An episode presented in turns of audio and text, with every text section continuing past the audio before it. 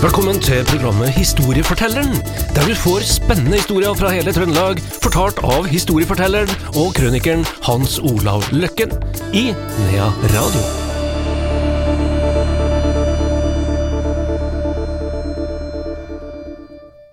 Velkommen igjen. Historieforteller Hans Olav Løkken sitter klar. Det gjør også programleder Andreas Reitan. Hans Olav, i dag skal vi til, ja, vi skal til Ytteråsen, og vi skal til grensa mellom Stjørdal og Selbu kommune. Ja, det skal vi. Og det starter i lufta. Eh, Vi starter i lufta. Det er en vanlig hard, det. det blir mye luftfart her. Men vi skal starte faktisk talt der for å fortelle bakgrunnen, da, først til uh, historia. Det var nemlig i 1953 så eh, hadde vi på Værnes uh, uh, Vampire, den spesielle jagerflytype. Og det er ikke et fly som du bare hopper ut av altså, når du eh, må nødlande eller må, må, må, at det skjer noe. Fordi at uh, den flytypen har to halefinner. Så det er en viss sjanse for at hvis du bare ikke gjør det helt 100% korrekt, så kan du bli kutta veldig. Og det, vi har mista veldig mye flyvere med Vampire på 50-tallet, da. Og det var en som het Odd Jensen, eh, fra en trondheimer, som var ute på en vanlig rutinemessig tur, og så fikk han antagelig noe motortrøbbel eller noe sånt. Og vi vet at den kom akkurat over Flønes i Selbu og over Garberg, og peila seg antagelig inn på Gråvatnene. Og der ser du jo når du er oppe i lufta. Selv om ikke vi eh, som står nede på bakken i Selbu ser noe, så, så vet jeg at Så han så de største vatnene foran seg. Og han eh, har jo noen få sekunder på å ta en avgjørelse, og han tok antagelig den avgjørelsen at han ville nødlande. Det, det mener kommisjonen at han gjorde et forsøk på.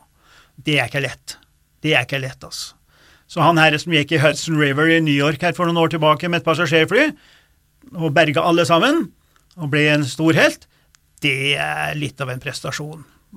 Det er ikke bare at det er prestasjon, du må ha flaks med stor F òg, da.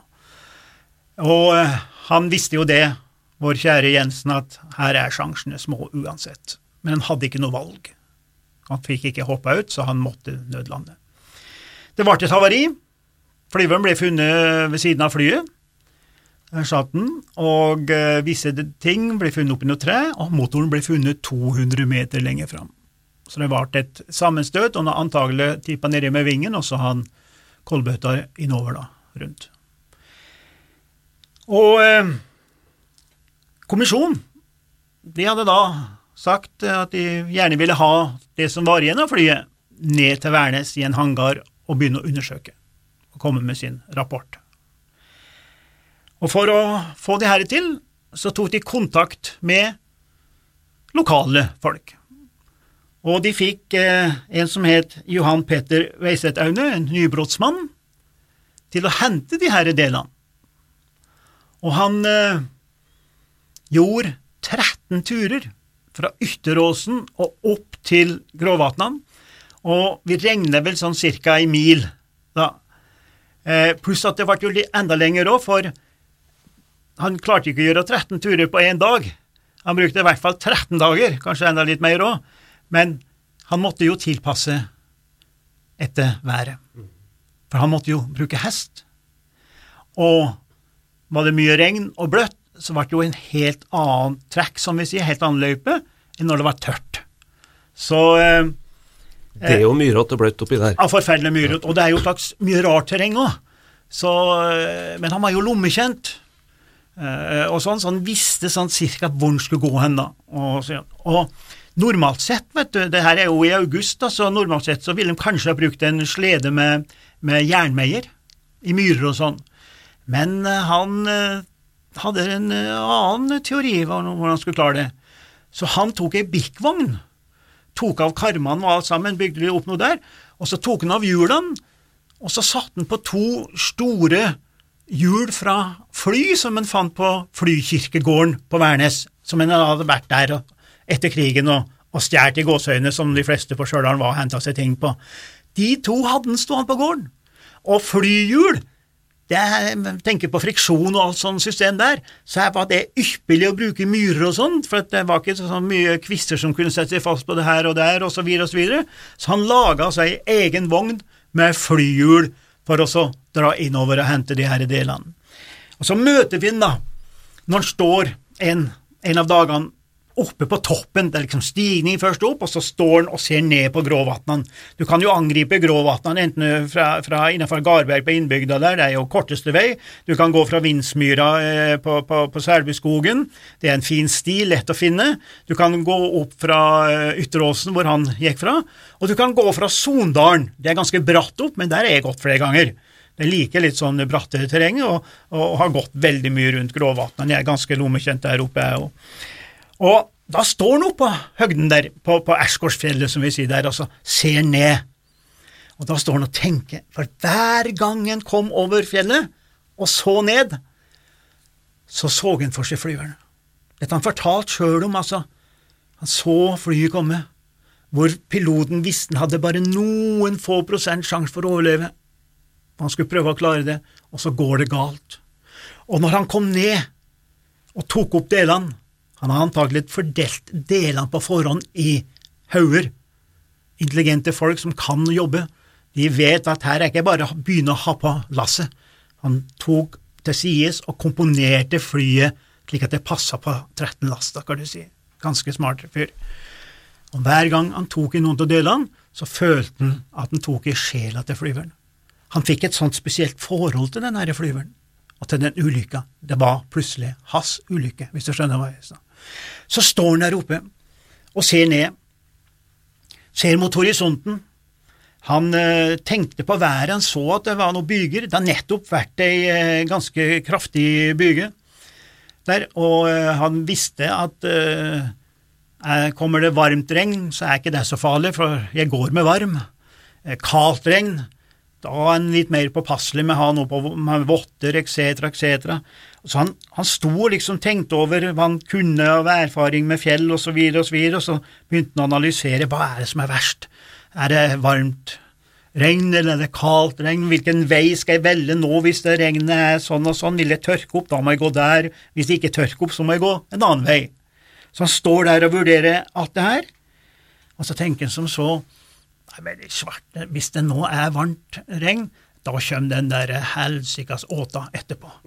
Og åte, det er det verste vi vet, om du er fjellmann eller bymann. Da. Så han, han, eh, han, likte ikke åta, og han sier til seg sjøl at det er jo litt rart, kjenn, liksom til seg sjøl at uh, noen dem er immune mot mygg. Pussig nok.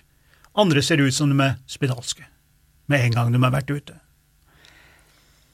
Han uh, står nå der, og så møter han noen folk etter hvert, men jeg skal bare gå et lite skritt tilbake til han her eh, nybrottsmannen, for du må tenke på at det var ikke bare bare å, å leve inn på Ytteråsen, slå seg ned, dyrke noen få uh, mål, han måtte jo ha noe attåtnæring, det hadde de fleste uh, der, og han uh, kjøpte seg maskin og dro rundt på gårdene og livnærte seg, han gikk på jakt og livnærte seg, ei tid så var det jo skuddpremie på alt her i Norge, og de holdt jo på å rydde ut alt som het ekorn i Norge eh, i løpet av et par år, vet du, for det har vært fem kroner for eh, ekorn. Og det var mye penger, det. Fem kroner. På 50-tallet der og sånn. Så, og, eh, så han hadde flere jobber der, og under krigen så, så fikk han besøk det var jo sånn under krigen, og sånn er det i kriger. Det er jo en del folk som tiltrekkes til litt avsidesliggende øh, steder og sånn. Og en av de som kom og bodde på gården der, der var han Ivar Ballangrud, vår store skøyteløper, som var flaggbærer i Garmisch-Parkenkirken, det var vel i 36 da, og som har mye VM og OL-gull og sånn, da. Han var der. En dag så dukka det faktisk alt opp en tysk soldat. Dette her var da i 1940. Etter noen uker så dukker det opp, og Spurte om han fikk lov til å være der, og ja, det måtte han jo få lov til, og ble på en måte en slags liten minidreng, da. Og der var han i 14 dager, og så dukket tyskerne opp og tok han. Eh, hva skjedde med han? Ingen som vet. Var, var han en desertør? Var han spion? Det er ingen som vet. Men han gikk nå og tenkte på sånne ting, han her, han her Veisetøyne, da. Og da skal vi tilbake til det som er poenget med denne historien. her. Det er det møtet som nå han eh, Veisetaune har på vei ned mot flyvraket. Der møter han plutselig, da. Nå altså har regnet kommet, ikke sant, det har blitt gjort seg opp, det var ferdig med regn, og åta kjem. Åta kjem. Og der møter han to forfinede damer fra Øvre Sindsaker. Da og det, det, var som et helikopter. vet du. De slo omkring seg. vet du. Det var, det var ikke 100 000 mygg, det var millioner med mygg. Jo, De fleste av oss har jo møtt sånne greier. Og de var helt i panikk. Og de måtte jo la sinnet gå utover noen. Og det gikk jo selvfølgelig utover han Veisethaune, da. Så de tok jo han òg, vet du. Det var den verste plassen de noen gang har vært på. Det var helt håpløst. Det var ikke bare åta, men det, alt var men jeg sier, bruker stygt ord, alt var helvete, altså, der oppe. Det var det verste av det verste. De har vært øh, terreng, og alt var, var, galt der. Og du vet, han ble jo såra, vet du. Det var jo tross alt hans kongedømme. Kom ikke her og kritiserte mitt kongedømme, så han ble jo litt såra. Og han hadde jo da lyst til å kanskje forklare årsaken til at eh, myggen gikk løs på dem, da. For de var jo så oversminka, vet du. Det var jo så rødt rundt truten, og det var så mye pudder, og det lukta 47-11 helt ned til Selbu. Så de var jo som en slags eh, trekkplaster, ikke sant. Det er jo klart det var trekkpapir som eh, Det ble noen millioner mygg der. Det skjønte jo ikke dem. Ja, de bør kanskje være litt mer rein i, i huden neste gang de går i fjellet. Det er jo ingen jegere som går med 47-11 på seg, regner jeg med. Men, eh, men der gjorde de her, da, vet du. Men så, i og med at de hadde fornærma han så, så skulle han eh, ta en liten hevn, da. Og eh, han sa, fortalte litt om, om, myggen, da. Så sa han det at, at dere var klar over det at det er bare hunnmyggen som stikker og suger blod. Og så tok han fram handa da, og så satte seg noen mygg på. Da. Så de fikk se det. Så tok han hånda til seg før det kom noe blod, skulle du si.